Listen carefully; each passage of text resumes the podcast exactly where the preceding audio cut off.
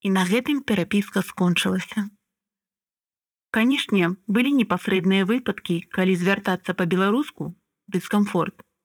У крамах, пунктах грамадскага харчавання. Таксама варта звярнуць увагу на адсутнасць меню на беларускай мове. Гэта сталая праблема. Быў у рэстаране лідо, што на плошчы кубаколаса.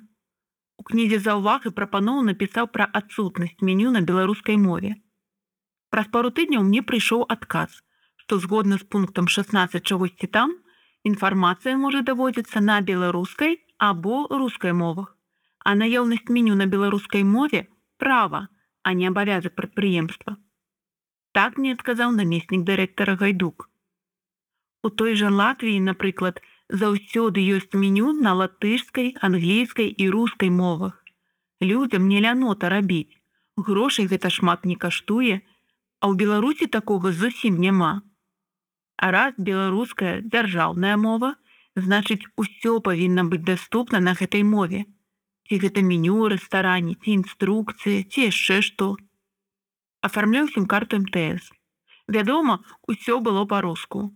У салоне сувязі не было матэрыялаў на беларускай мове. Сістэмныя паведамленні былі толькі па-руску. Служба падтрымкі толькі па-руску.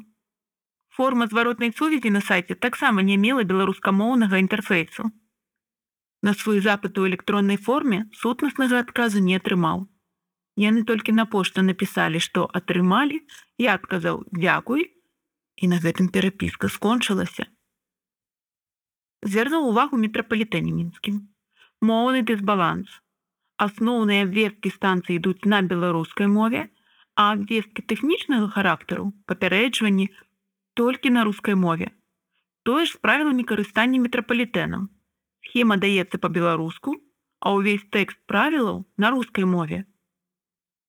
Беларускай мове адводзіцца нейкая такая цырыманіяльная функцыя. А важная інфармацыя даводзіцца толькі на рускай мове. І арганізацыі не лічаць патрэбным выпраўляць сітуацыю. Алесь 36 гадоў.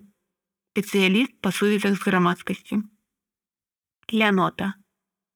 Некаторыя апраўдваюць сваю ляноту тым, што іх сківіца не прыстасаваная да размоў па-беларуску.